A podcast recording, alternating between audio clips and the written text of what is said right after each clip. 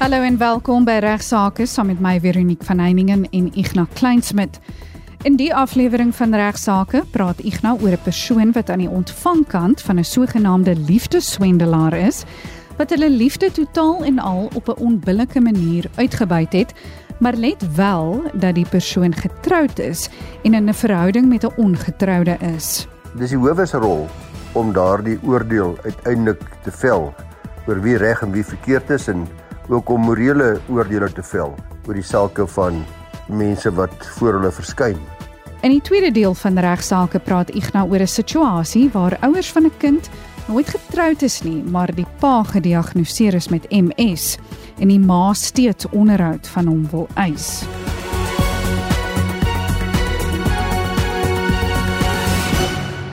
Ons begin die program met Ignas wat 'n saak bespreek waar 'n persoon aan die ontvangkant van 'n sogenaamde liefdeswendelaar is wat hulle liefde totaal en al op 'n onbillike manier uitgebuit het.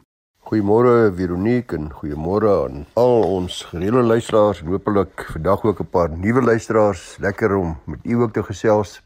Ek het al voorheen op hierdie program gesê dat prokureurs is nie veronderstel wanneer kliënte met hulle kom konsulteer en kom raad vra om morele oordeele te vel oor hulle kliënt se morele probleme of waardes nie. Net so is 'n prokureur nie veronderstel om regter te speel nie en om vooraf te sê man jy is skuldig of jy is onskuldig as jy sis of jy so of ek glo jou nie of ek moeilik om vir jou te verdedig nie want dis die howe se rol om daardie oordeel uiteindelik te vel oor wie reg en wie verkeerd is en ook om morele oordeele te vel oor die sake van mense wat voor hulle verskyn. Maar ek wil vandag so 'n bietjie regsadvies gee aan diegene wat aan die ontvangkant is van 'n sogenaamde Don Johan of dan uh, dit kan 'n man of 'n vrou wees of 'n of 'n liefdes swendelaar of bloot iemand wat u liefde en u toegeneentheid teenoor hom of haar uitbuit op 'n onbillike manier. Hier praat ek van iemand wat getroud is en in verhouding is met 'n uh, ongetroude. Ek het 'n briefie ontvang. Nou die dametjie, kom ons noem haar maar Mala want Mala is my so pragtige naam. Sy vra vir anonimiteit, maar ek gaan nie haar werklike naam gee nie. Verder besonderhede nie. Sy sê sy het 'n verhouding met 'n getroude man al vir 2 en 'n half jaar. Sy sê sy vrou is 'n ware heks en die man se vrou tuister haar nou sonder om 'n morele oordeel te vel, is dit geen wonder dat die vrou haar tuister nie, maar in elk geval haar eindelike vraag is eh, sy sê die man begin sy net wonder oor want hy beweer nou al vir langer as 2 jaar dat hy besig is om te skei, maar sy vrou weier om te teken vir die egskeiding. Nou luisteraars, ek moet dadelik vir u sê hierdie sogenaamde verskoning van die getroude persoon dat die ander persoon weier om te teken is so oud soos die berge maar is 'n blote storieetjie. Dis 'n versinsel. Heel dikwels want daar's drie maniere waarop 'n mens kan skei. En niemand kan weier aan die einde van die dag om te skei nie. Eerstens natuurlik is dit nog die gewone onverdedigde egskeiding. Ek en my man stem saam ons sê om te skei. Ons sê dis vir ons almal en vir die kinders die beste. En en ons gaan op 'n onverdedigde basis een party dag vir die ander en daar word 'n erskeringsbevel op hierdie wyse verkry. Die tweede manier wat gekoppel is aan die eerste is, ons stem saam en in die proses gaan ons 'n erskeringsooreenkoms aan wat dan deel vorm van die hofbevel op 'n onverdedigde basis. Die derde manier is waar die een party dit duidelik maak dat ek gaan nie met jou skei nie. So dis die sogenaamde verdedigde egskeiding ek moet jou dagvaar, jy teken verdediging aan, daar's twee stelle prokureurs. Dis die hartseer egskeidings en die wat gewoonlik in niemand se belang is nie waar gewoonlik uiteindelik die prokureurs en die advokate die enigste wenners is en waarteen ek altyd baie baie sterk waarsku en so hard probeer om mense te oortuig dat dit in niemand se belang is regtig om lang uitgerekte egskeidingsdinge betrokke te raak nie dat dit 100 keer eh, beter is om dan liewers te, te uh, gaan na uh, iemand wat kan bemiddel. Meeste prokureurs probeer hulle bes om te bemiddel of uh, met mekaar die ander kollega te gesels om seker te maak dat daar dan 'n skikking bereik kan word. Want die reg is hieroor nie so moeilik nie. Dit gaan dikwels maar meer die probleem is eintlik om mense van emosies te ontlont en nie soveel soveel om te bepaal wat die helfte van 500 is of wat 'n billike verdeling behoort te wees nie of hoe die aanwas byvoorbeeld bereken moet word nie. Maar die punt is dat uh, sodra 'n man sê dat wie my vrou weier om te teken, dan is dit nonsens. Hy of sy wat dit beweer kan doeteenvoudig hof toe gaan op 'n verdedigde basis en eintlik nog steeds 'n egskeringsbevel kry. Maar hierdie om die ander geliefde aan 'n lyntjie te hou vir jare en jare en jare is nie billik nie. En as u regtig dan 'n plan wil maak om uh, met die ander persoon in huwelik te tree, dan gaan die volstoom aan om by die hof te kom so gou as moontlik op verdedigde basis sodat die hof kan besluit om daardie egskeringsbevel toe te staan. Dankie Ignas. Ignas het ook 'n brief ontvang wat verband hou met 'n situasie waar ouers nooit getroud was nie, maar die pa met MS gediagnoseer is. Die ma en familie wil weet of daar wel van 'n persoon met die diagnose onderhoud geëis kan word. Ek ontvang 'n e-pos vanaf Letitia. Sy sê sy is 'n regstudent en baie oulike brief wat sy aan my rig en sy vra sekere inligting. Sy vra ook ek asseblief regsuitsprake hof uitsprake vir haar gee en verwysings gee. Ongelukkig het jy sê ek gaan jou wel antwoord, maar uh, ek gaan nie regslesing gee nie want ek dink nie dis wat ons luisteraars almal wil hoor nie. Hoopelik gaan jy een van die dae daar by jou universiteit baie meer volledige lesing kry oor hierdie onderwerp. Maar sy sê sy weet van 'n situasie wat vir haar nie moreel reg voel en klink nie. Dis die vraag is in die geval waar die ouers van 'n kind nooit getroud is nie en daar 'n eis vir onderhoud teen die pa ingestel word, maar die pa het 'n neurologiese siekte genaamd MS en hy is in 2019 al afgelê by sy werk sedert dien werkloos, probeer sy bes om werk te kry, hy moet sy motor verkoop het, kry behandeling by die staat en hy kry ook 'n ongeskiktheidstoelaag wat maar baie baie gering is. En haar vraag is: kan daar wel van so 'n persoon onderhoud geëis word. Aan die ander wyse buiteegtelike pa of binne-egtelik werkloos, sieklik en 'n geringe ongeskiktheidstoelaag wat hy kry. Sy sê ook en dit wys dat sy goed ingelig is en 'n goeie student is en dat weet dat daar ook moontlik onderhoudseis teen grootouers kan wees. Sy sê beide sy eiers is oorlede. Dis kan daar nie eis vir onderhoud teen die grootouers ingestel word nie, maar die ma van die kind se ma, dis nou die ouma aan die ma se kant, leef wel nog dan vra sy wanneer so saak na die hof toe moet gaan. Dit is baie belangrik wat is die moontlike uitkoms en dan sê sy indien na staatsprokureur toe gaan, dan dink sy bedoel die regstelpraat, moet dit hoe lank vat dit om so wyse verteenwoordiging te kry?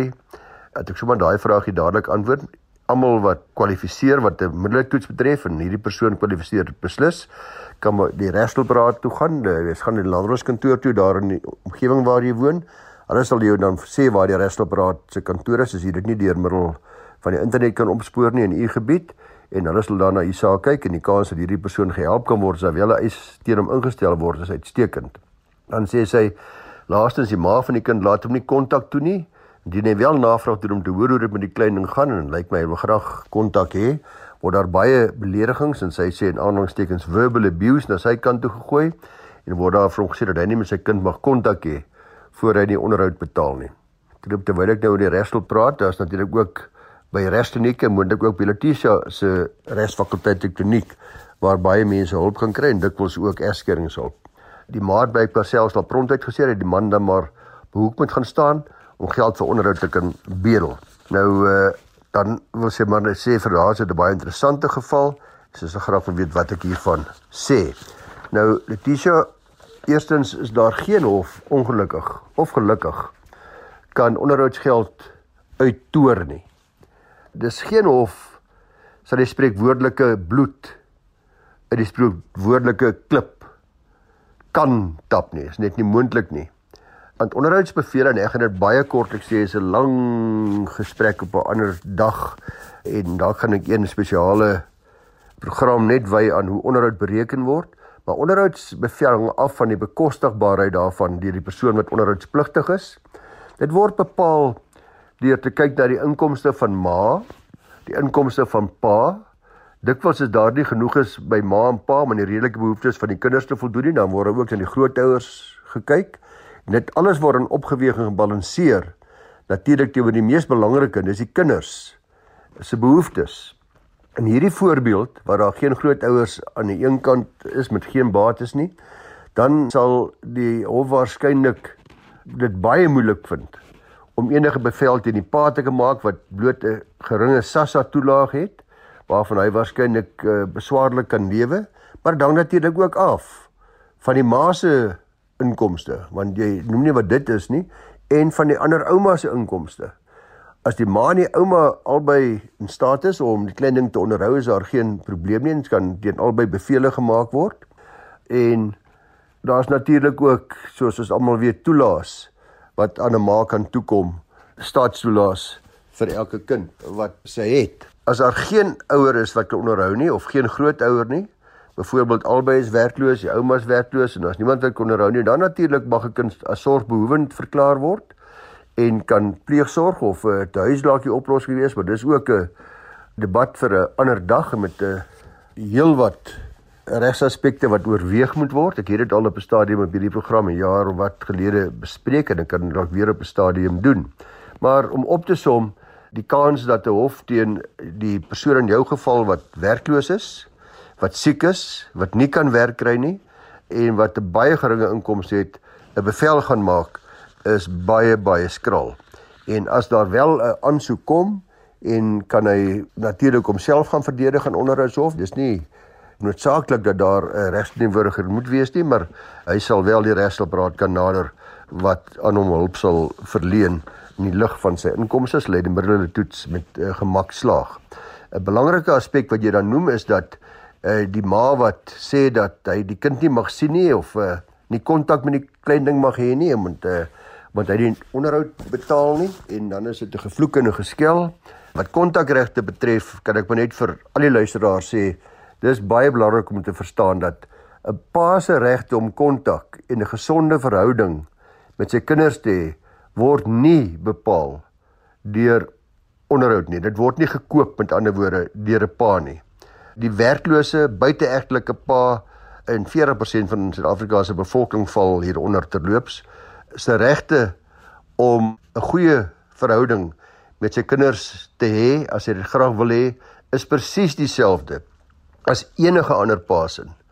Dus as hy die hof nader, het hy uitstekende kans om hierdie ma te verplig om hom toe te laat om 'n redelike band met sy kind te kan hê. Weiering deur 'n ma in sulke omstandighede wat my betref dui dikwels of is 'n duidelike aanduiding op dat die kinders se belange nie altyd regtig vooropgestel word nie en dat eh, so 'n uh, ouer die kind se reg op 'n goeie pa verwar met 'n reg op onderhoud. Maar natuurlik, dikwels is dit die een kant van die saak. Baie ander kere stel die pa regtig nie belang nie en is hy bloot moetswillig en ek dink nie daar's iets slegter as 'n pa wat hard probeer om geld weg te steek of inkomste weg te steek of op enige ander manier sy bes doen om so min as moontlik onderhoud te betaal nie. Selfs diere doen hulle bes om hulle klein goed te onderhou. Maar om hierdie regstudent se vraag te beantwoord, 'n sieklike of 'n werklose pa wat graag liefde wil betoon, is sekerlik wat die hof betref 'n baie beter keuse vir enige klein ding as geen pa nie. So Letitia de Pre, baie dankie vir jou briefie. Wie weet, hartswat doen jou bes. Miskien gee jy nog eendag spesialiseer op familiereg en een van Suid-Afrika se goeie familieregprokureurs word soos daar baie is wat hulle bes doen om die beste vir belange van kinders altyd voorop te stel. Groete aan almal tot volgende week 12:30 Maandag. Ek bedank graag weer vir Ignas Kleinsmid vir sy bydrae tot die program. Prokureur Riet Oosthuizen van Riet Oosthuizen Prokureurs in Pretoria praat vandag met my oor die verskillende verbintenisse in die Suid-Afrikaanse reg. Welkom terug by Regsake Riet. Sê vir my watter tipes verbintenisse bestaan daar in die Suid-Afrikaanse reg met betrekking tot paartjies in Suid-Afrika? Goeiemôre Veronique en goeiemôre aan al die RSG luisteraars hier vanuit 'n pragtige pers Jacaranda Pretoria. Hierdie tyd van die jaar is darem maar regtig 'n mooi tyd om in Pretoria te woon. Nou Veronique, om jou vraag te antwoord, paartjies kan hulle self verbind tot mekaar op verskillende wyse. In die eerste plek kan jy doodgewoon kies om net saam te woon. In die tweede plek kan jy kies om te sê ons wil trou en as ons trou, dan is daar verskillende formes van huwelike waarby ons bietjie later gaan uitkom. Of in die derde plek kan paartjies kies om te sê ons wil onsself verbind tot iets sterker as net 'n saamwoonverhouding, maar ons wil ook nie trou nie. En dan kan hulle dit doen in terme van 'n burgerlike verbintenis. Nou wat is die gevolg as die paartjie verkies om doeteenvoudig saam te bly? Nou wanneer 'n paartjie verkies om saam te woon, beteken dit doeteenvoudig dat daar geen wetgewing is wat hierdie verhouding vir hulle gaan reguleer as dinge tussen hulle sou skeefloop of een van hulle kom te sterwe nie. Hulle kan wel kies om interpartys 'n kontrak met mekaar aan te gaan en binne in hierdie kontrak te reguleer wat sou die gevolge wees as hulle verhouding ten einde loop. Maar daardie kontrak is net interpartys, met ander woorde onderling tussen mekaar afdwingbaar. En bestaan daar so iets dat die reg jou outomaties ag om getrou te wees indien jy 'n sekere aantal jare saam sou woon? Nee, baie beslis nie, Veronique. In ons Suid-Afrikaanse regstelsel word jy slegs geag getroud te wees indien jy wettiglik getroud is. En paartjies maak soms die fout dat hulle jare saam woon en dan skielik kom een van die twee te sterwe of skielik na baie jare besluit die een hy of sy verlaat die ander een en dan moet daai ontnigtering kom dat die reg ag jou nooit as getroud te wees nie indien jy nie werklik getroud is nie. Riet, wat is 'n burgerlike verbintenis? 'n Burgerlike verbintenis word gesluit tussen 'n paartjie van die teenoorgestelde geslag of 'n paartjie van dieselfde geslag. En hierdie verbintenis sluit jy met mekaar in terme van die Wet op Burgerlike Verbintenisse wat Wet 17 van 2006 is. Luisteraars wat dalk op die internet soeke wil gaan doen, sal dit meer gereedelik kry as hulle onder die Engelse bewoording soek en dit is die Civil Union Act. Die wet het eintlik sy ontstaan gehad omdat paartjies van dieselfde geslag gevoel het hulle wil met mekaar in 'n huwelik tree en dit kan nie gebeur in terme van ons gewone huwelikswet wat wet 25 van 1961 is nie. En daarom het hierdie nuwe wet, die Wet op Burgerlike Verbintenisse, toe tot stand gekom in 2006. Nou sal die luisteraars dalk wonder, maar waarom sal 'n paartjie van die teenoorgestelde geslag verkies om nou eerder in terme van hierdie wetgewing 'n verbintenis aan te gaan as om hulle self te verbind in terme van ons gewone huwelikswet? En dit kom maar in by paartjies wat meer modern is en voel hulle wil nie na hulle huwelik as 'n huwelik verwys nie, dan sal hulle tipies dit so omdoen. Sekere paartjies voel ook dat in terme van hulle geloof het die huwelikswet 'n meer Christelike konnotasie en om daardie rede kan hulle dalk ook eerder verkies om in terme van die wet op burgerlike verbintenisse hulself dan tot mekaar te verbind. Wat belangrik is om te weet is dat die regsgevolge of die regsimplikasies presies dieselfde is. So jy kan kies of hierdie verbintenis binne gemeenskap van goedere gaan wees of daar 'n huweliksvoorwaarde kontrak geteken gaan word met die aanwas of sonder die aanwas, die regsgevolge is dieselfde. En ook as hierdie verbintenis tot 'n einde kom, moet jy ook deur 'n egskeidingsproses in die hof gaan. Nou Riet, as mens dit so kan stel, watter tipe huwelike bestaan daar? Die ander tipe verbintenisse of huwelike wat bestaan, is jou siviele huwelike, gebruikelike huwelike en geloofshuwelike. Nou siviele huwelike is soos wat die meeste van ons dit sal ken en jy sluit ook die huwelik in terme van die huwelikswet, Wet 25 van 1961. Gebruikelike huwelike is jou stamhuwelike. Dit is soos byvoorbeeld 'n Zulu, 'n Tswana, 'n Sotho huwelik. En gebruikelike huwelike word gesluit in terme van die Wet op Erkenning van Gebruikelike Huwelike, Wet 120 van 1998. Hierdie huwelike is dan ook voldoen dan aan die spesifieke stam se voorskrifte byvoorbeeld soos om lobolo of lobola te onderhandel en te betaal om die bruid formeel te oorhandig en dan ook die spesifieke seremonie wat daarmee gepaard gaan. En daardie huwelike word dan geregistreer in terme van daardie spesifieke wetgewing en ook gereguleer in terme daarvan. Die derde tipe waarna ek nou verwys het is jou geloofshuwelike en dit is soos 'n Hindoe, 'n Moslem, 'n Joodse huwelik.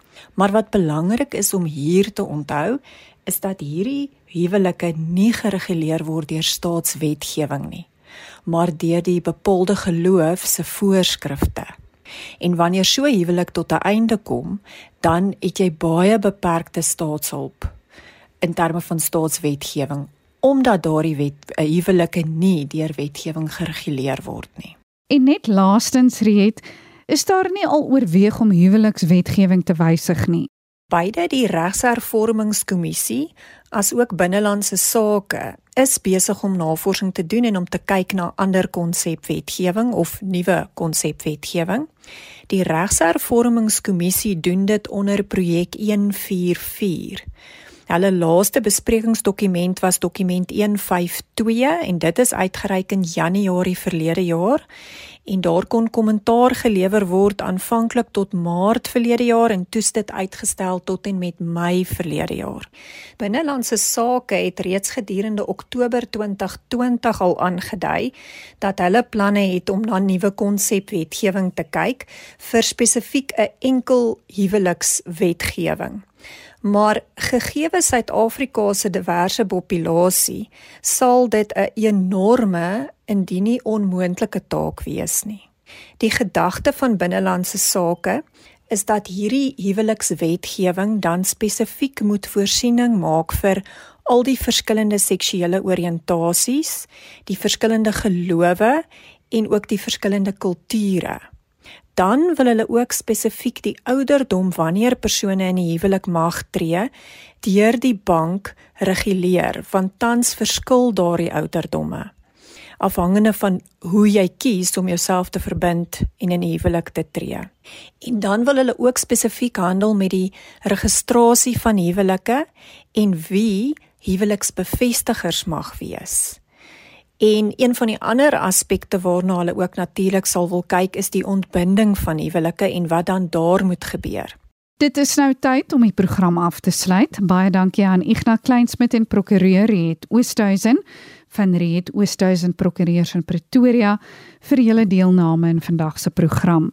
Vir enige navrae stuur gerus 'n e-pos na my toe by vero@rsg.co.za. Van my Veronique van Heiningen groete tot volgende week.